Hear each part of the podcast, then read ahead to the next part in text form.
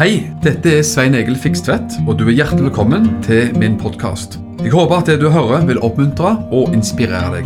Ønsker du mer informasjon om arbeidet i drivet, så kan du gå til mission-alliance.org. Gud velsigne deg. Takk for gaven. Og så kjekt å se så mange flotte folk. Kjente og litt ukjente, men mange kjente. Fra både Froland og Arendal og forskjellige menigheter. Utrolig kjekt. Herlig frisk sang, da, som alltid.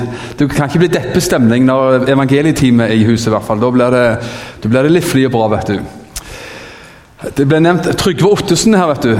'Hvis Herren drøyer'. Det, det kommer på en historie, en, en, sann historie av en liten gutt Så har det vært mye sammen med sånne folk. Sånne folk, altså. Vi er jo alle sånne. Så det var en gammel, en gammel kristen broder som sa til en, en gutt 'Du skal vel snart begynne på skolen, du', sa han. 'Ja', sa gutten. 'Hvis helsa holder og Herren drøyer', sa han. Så han var positivt miljøskada, kanskje. Men i dag har vi jo hørt mye om himmelen og mye sånn eh, herlig eh, dette evige håpet som vi har. Og Jeg har lyst til å dele noen tanker nettopp om det. det, om, det om det kommer med alderen, eller hva det er. Men jeg tenker en del på det, og Bibelen har jo veldig mye å si om det håpet som vi har som kristne. Og Veldig ofte så kan det jo være at vi ser ikke fram til så veldig mye av himmelen, men ser fram til neste ferie, neste tur, neste sydentur, eller til at det er slutt på koronaen. Vi ser fram til de korte ting her i livet.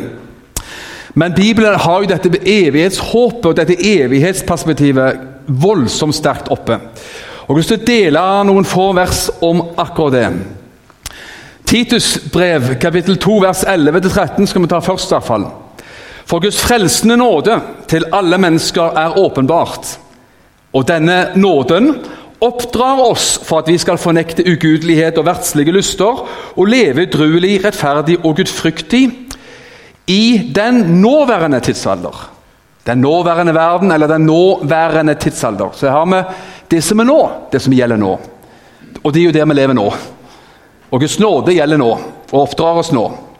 Men så står det jo videre, og her ser vi hvordan to verdener, eller to tidsaldre, om du vil, knytte sammen. Vers 13 mens vi venter på det salige håp og åpenbaringen av den herlighet som tilhører den store Gud og vår frelser Jesus Kristus. Guds nåde er her for den nåværende tid, nåværende tidsalder, mens vi venter. Mens vi venter på noe annet og noe langt, langt bedre. Og Denne evighetsperspektivet og dette evighetshåpet det er jo som sagt, står jo veldig veldig høyt oppe i Bibelen. Og faktisk et, et, helt år så har jeg fundert og hatt denne, en salme rullende liksom i, i hodet mitt. og Derfor er det sikkert noen her som har hørt at jeg har nevnt noe av dette før også. Salme 90 er jo en interessant salme. Det er Moses som har skrevet denne salmen. og det Hele salmen handler om at han reflekterer over dette med evigheten. At Gud er fra evighet, og menneskets forgjengelighet og begrensning i tid sammenligna med Gud som er i evigheten. Og Vi skal ikke lese hele Salme 90, men du skal få noen vers da, som jeg har blinka ut på skjermen min her. Og Moses sier det før fjellene ble til, før du hadde dannet jorden og verden, fra evighet til evighet er du Gud. Gud er fra evighet. Han ser Gud. Det er en evighetshorisont. Fra evighet og til evighet. Vers 4 sier For tusen år i dine øyne er som gårsdagen når den er forbi og som en nattevakt. Altså For Gud sier jo også Peter for Gud sier jo en dag som tusen år, og tusen år som en dag. Det er noe med denne evighetsperspektivet og horisonten som selvfølgelig sprenger alle våre rammer i det menneskelige sinnet, men som likevel finnes evigheten. Og vers 10 så sier også da Moses hvor Det er gjerne et mer kjent vers. jeg vet ikke, jeg husker min, Både min svigerfar og min bestefar siterte akkurat dette verset. her altså. Våre livsdager er 70 år, og ved større kraft 80 år. Likevel er deres stolthet bare strev og sorg, for snart er alt slutt, og vi flyr bort. Altså, Samme hvor lang tid man får her på jord. 70 år? 80 år? Du vet, Nå lever vi i 2021, så da kan vi fort si at menneskets alder er et sted mellom 80 og 90 år. Av og til mer, av og til mindre. Men, men eh, her står det 70 og 80 år. og husker Min farfar han var fornøyd. altså for Han kunne klare å dra mot, mot 80 år. Så var han fornøyd, for da hadde han stor styrke. Så da, så da, da, da syntes han det var storart. Jeg husker Faren til Toril, min svigerfar, han sa også dette, siterte dette. Kunne han passere først 70 og så komme seg oppover, så var det flott. altså. For med stor styrke så blir man 80. Vel, i, da, i, vår tid, med all den fremgangen medisinske og fremgang man har, så kan man si med stor styrke så blir man gjerne 90, kanskje mer også. Men det som er hovedverset her, er vers 12. Lær oss midt i dette Når Moses snakker om evigheten, så sier han noe utrolig. Som har blitt på en måte litt sånn en slags alvorlig bønn inn i mitt liv. Lær oss å telle, derfor å telle våre dager, så vi kan få et vist hjerte. Eller få visdom i hjertet et bønn til Gud. Midt i at han ser at Gud er fra evighet av til evigheter. Tusen år er som en dag. Så sier han, Herre, lær oss å telle våre dager, så vi kan få et vist hjerte. Jeg har av og til likt å lese det verset baklengs, eller eh, feil rekkefølge om du vil. Gi oss, Herre, et vist hjerte, sånn at vi kan lære å telle våre dager. Begge deler eh, fungerer godt. Gi oss et vist hjerte, sånn at vi kan telle våre dager. Herre, hjelp oss å telle våre dager, sånn at vi kan få et vist hjerte. Og jeg tenker jo at det, Nettopp det med å se vårt liv i en større sammenheng, i evigheten, og, og tenke på hvordan vårt liv skal se ut fordi de av oss hvert fall, som har passert 50 år, mange av oss har det, vet jo at årene går veldig fort. Livet er kort, livet er skjørt. Og man, man, får kanskje en ærefrykt i forhold til det som ikke er så dum å ha. Vi skal ikke være redd være fryktsomme, utrygge. Vi har en fantastisk trygghet. Det har blitt sunget og snakket om her gjennomgående i denne, denne kvelden. her. Så, så, det tror vi så sterkt på. Men, men eh, tenk deg at det, vårt liv er en gave fra Gud. Gud har en mening med våre liv, en plan for våre liv. Og at vi kan få lov til å tro at hvert menneske er en gave fra Gud. Og som en ørliten parentes så sier vi også det i denne sammenhengen at det, det gjør dette med abort så dramatisk og tragisk og så meningsløst. Hvordan kan vi leve i den planen Gud har for oss? Hvordan kan vårt liv passe inn i en større sammenheng enn bare oss sjøl? Hvordan kan vi leve et meningsfullt liv, og hvordan kan mitt liv og ditt liv passe inn og bidra til noe i evigheten? Og Det som det betyr aller mest, det er jo nettopp dette som har med utbredelse av Guds rike og dette som har med å bringe evangeliet ut, ja, og at mennesker da blir frelst. Det står noe fantastisk. Kong David er en interessant fyr i Bibelen. For godt og vondt, får man si. Og For meg blir kong David liksom eh, symbolet på evangeliet. En mann som vi vet eh, var kalt av Gud og salva av Gud, skulle være konge i Israel osv. Så, videre, og sånn. så hadde han sine dramatiske fall og sine den ene synden avløste den andre i en periode i livet hans, med både utroskap og mord osv. Og, og så står det noe rart, kanskje, men likevel sterkt. At Blant de siste ord det finner om kong David i Bibelen, er jo apostelens gjerninger av sted. Det fins sikkert noen få vers lenger ut i Bibelen også, men en av de siste uttalelsene om kong David var apostelens gjerninger 13. Det er jo sitater som de henter inn fra salmene. 'Jeg har funnet David' en mann etter mitt eget hjerte, som skal utføre all min vilje. Jeg tror det var Paul som hadde en lang preken om sånn der han tok med kong David i, i prekena si. Så står det også at David i, samme, i Apostelens gjerning 13 David var en tjener for Guds plan så lenge han levde. Tenk på det. Jeg tenker sånn, med Svein Egils enkle fantasi, at det gjerne står på gravstøtta til kong David et sted. En mann etter mitt hjerte. Han tjente min plan hele sin levetid. Og ikke det er veldig rart, da, med sin fall, så får han den oppreisningen, om du vil. For han får den, det minneordet fra Gud. Han, var, han tjente min plan.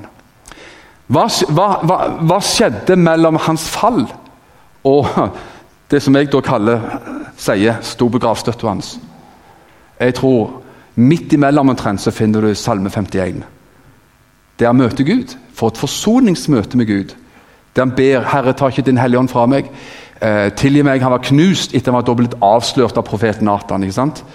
Og Sånn er det med våre liv, samme hva man har i fortida. Lykkelig det mennesket som nettopp får dette forsoningsmøtet med Gud. Ikke sant? Man møter Gud i, eh, i den, i den instans, instansen som man kan kalle for et forsoningsmøte. Eh, det betyr så mye, og derfor kan det gjelde for alle av oss at en dag så vil det stå om deg og meg. Gud sier ditt navn og mitt navn. Så sier han Gjermund var han tjente Guds plan hele sin levetid. Og Så nevner han ditt navn og alles navn. Du tjente min plan. Og Da tenker jeg så viktig det at vi også vil innstille vårt liv til å være en del av noe større enn oss sjøl. Og, og, og, la vår liv passe inn i den store sammenhengen, nemlig Guds rike sammenhengen. Misjonsbefalingen. Det at mennesker skal møte Jesus og bli frelst. Jesus sa jo Johannes 15, 18, 15, 16. Dere har ikke utvalgt meg, men jeg har utvalgt dere og satt dere til å gå ut og bære frukt og deres frukt skal vare, slik at dere, alt dere ber Faderen om, skal Han gi dere. Du vet at eh, men Bibelen snakker jo om, om himmelen, om Jesu gjenkomst, om at det kommer Dette livet ikke er slutt når det er slutt. Derfor vil skje nye ting. Jesus vil komme tilbake en gang. Han skal komme tilbake for å dømme levende og døde, sier man i den apostolske trosbekjennelsen. Det er jo en fin setning da, som selvfølgelig er henta ut som en slags oppsummering fra, fra Bibelen. Tror vi, tror vi at Jesus kommer igjen en gang? Han kommer igjen for å hente sine. Han kommer igjen for å dømme levende og døde. Fins det en himmel? Fins det det? Ja, det fins det. Og da tenker jeg sånn at Med evigheten som perspektiv så kan vi jo si sånn som også Paulus sier et par ganger, både i Feserbrevet og Kolosserbrevet, at vi skal kjøpe den lagelige tid. Kjøpe den rette tid. Lære oss å forstå hvilken fase man er i livet, og hvordan vi kan kjøpe og bruke tiden rett for Guds rikes skyld. Når jeg sier Guds rikes skyld, så ikke det handler bare, for, bare Hva skal vi si for å si det rett? Det handler om misjon, det handler om å tjene Guds rike, men det handler også om å bruke tid med de nærmeste. Det handler om å bruke tid med familie, bruke tid med, i menighet med sine nærmeste. Hva er viktig hvis man visste at vi hadde ei uke igjen å leve? Hva ville da være viktig i våre liv? La meg ta en eh, liten historie fra min eh, en hverdagslig enkel historie fra min tante. Hun døde for mange år siden. Tante Marit. Uh, hun uh, flytta som tenåring til Amerika og ville oppleve the American dream. Og det gjorde hun. Fant en annen nordmenn der borte fra samme område, Stavanger-området, som òg var der for å oppsøke lykken. På 60-tallet var det nok, kanskje slutten av 50-tallet. Og De gifta seg og ble en norsk-amerikansk familie der borte. Tante Marit hun døde nå hun var 53 år i kreft. Det er mange år siden nå. På 90-tallet.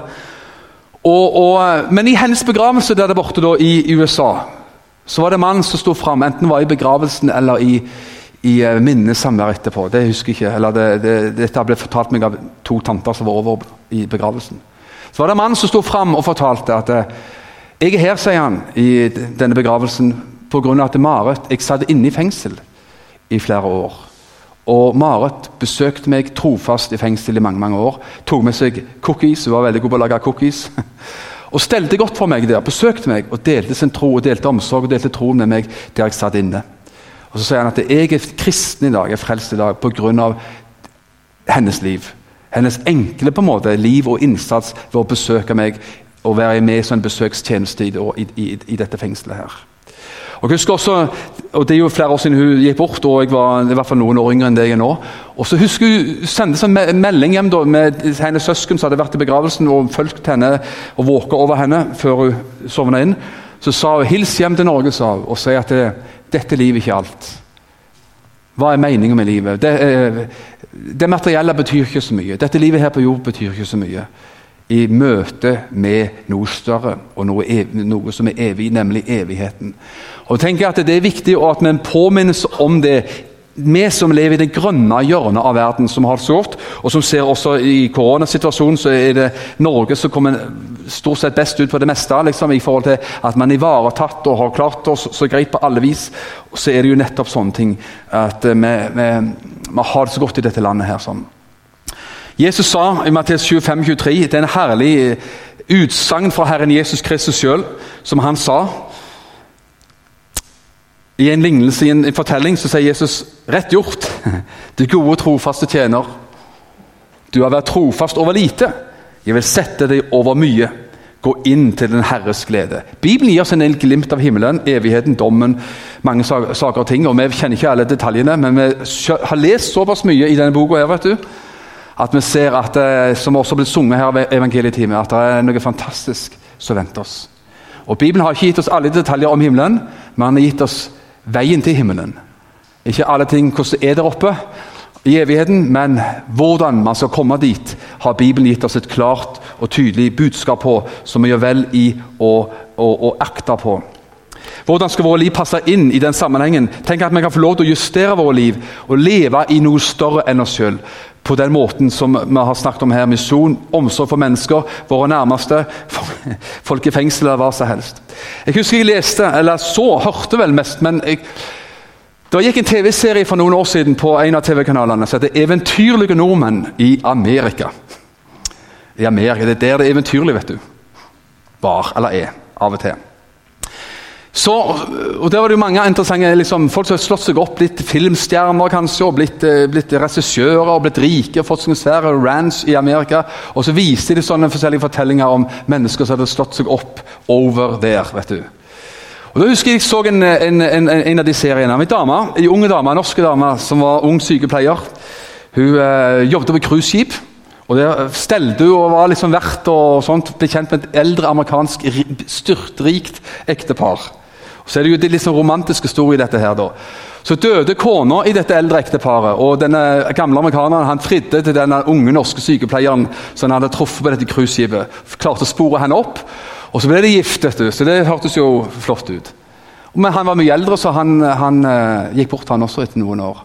Og Så viste de da i denne TV-serien eh, hennes liv, hvordan hun da satt på svær rikdom, hadde alle ting du kan tenke deg.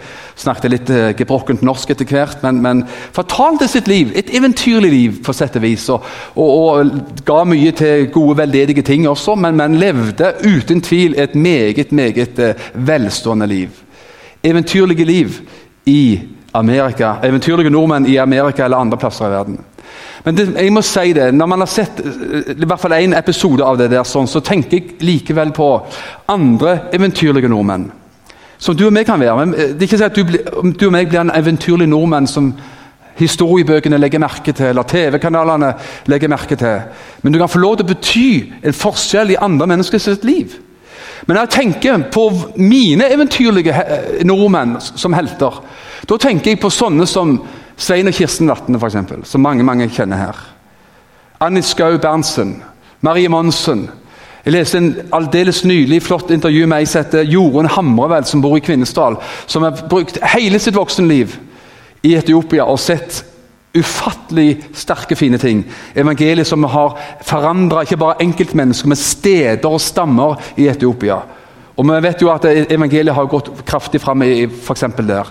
Og Vi kunne gjort en liste også mye mer. Jeg har lest for tredje gang en enkel liten bok jeg fikk av en gammel dame i Froland for noen år siden. Av ei som heter Ingeborg Skjervheim. Ikke om mange vet hvem det er engang. I sitt voksenliv dro ut til Nepal. En av de første misjonærene som dro Første pulje av misjonærer som dro inn til Nepal på 50-tallet. Kanskje 60-tallet. mange år siden. i hvert fall. Og Hennes enkle liv som jordmor og sykepleier, hvordan det forandrer mennesker. Og når jeg selv har vært i Nepal en god håndfull ganger og sett masse menigheter på små fjellhyller osv., hvordan evangeliet har gått fram, ofte gjennom motstand og grusom forakt og grusomme forfølgelser, så ser vi at det har vært eventyrlige nordmenn rundt omkring i denne verden som har betydd så mye for nettopp evigheten. Og Nå skal ikke du og meg prøve å bli en kopi av noen av de som jeg har nevnt her nå, for det, det, kopiering duger dårlig. Men du, du, og meg kan få lov til Guds nåde å bli den beste utgaven av oss sjøl. Og være med på vår måte i dette store oppdraget. For å være med på, på vår måte, med våre bønner, med, med vårt engasjement. Kanskje besøke noen i fengsel, kanskje ta seg av noen innvandrere. Kanskje komme nær noen som, som er så nær at du nesten glemmer at de er der. For du ser over dem og ser forbi. Vi kan alle sammen innrette våre liv som gjør, som gjør, at vi får lov til å bety en forskjell i evighet. og På den måten kan vi få lov til å være en såkalt eventyrlig nordmann, for å bruke det uttrykket. Vi kan få lov til å bety noe i den store sammenhengen. Lær oss å telle våre dager, sånn at vi kan få visdom i hjertet. Jesus kommer igjen en gang, vet du. Så kommer igjen. Derfor for å komme igjen for å dømme levende og døde. Skal du høre siste minuttet her. Kommer Jesus igjen om fem år, 50 år, 150 år eller 500 år? Ingen vet. Er du enig i det? Ja, Noen tror de vet, men eh, dagen og timen kjenner ingen, er det en som sa. Og Da gjør, gjør vel å lytte til han. Og Da tenker jeg, skal, du, skal jeg zoome det inn til din og min? For jeg tenker sånn, jeg tenker på endetiden. Ja, Vi vet ikke hvordan, hvordan, når Jesus kommer igjen, og hvordan endetiden som sådan ser ut. I, i, i alle detaljer. Men hvis min endetid Jeg er 55 år. Det jeg vet, at min endetid er kanskje 30 år. F.eks. mer pluss minus. Hvordan skal min endetid se ut? Hvordan skal mitt liv se ut? Hvordan er min endetid? Er, min endetid er ca. 30 år. Hvordan skal det se ut? Hvordan ser din og min endetid ut? Endetid ut? Det, ja, det vet bare Gud. Men vet du hva? Lær oss å telle våre dager, sånn at dere får visdom i hjertet. Himmelske Herre, jeg bare ber at disse enkle ord man har fått lov til å bare prate om og dvele ved og tenke på disse tingene, Herre, så sprenger det jo grenser. Det skaper kanskje litt hellig alvor. Det har vi ikke vondt av, Herre, men jeg ber at det ikke skal skape fordømmelse og elendighet som sådan.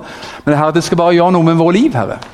Det skal gjøre at vårt liv plasseres ved din nåde ved din hjelp. Akkurat i den sammenhengen og på det, som lemmer på ditt legeme, så plasseres vi på det, den plassen som du vil. Så vi kan få lov til å oppleve å få være med på noe som er større og viktigere enn oss sjøl. Jeg takker deg for det i Jesu Kristi navn. Amen. Takk for at du har lytta til denne podkasten. Jeg ønsker deg en velsigna god dag.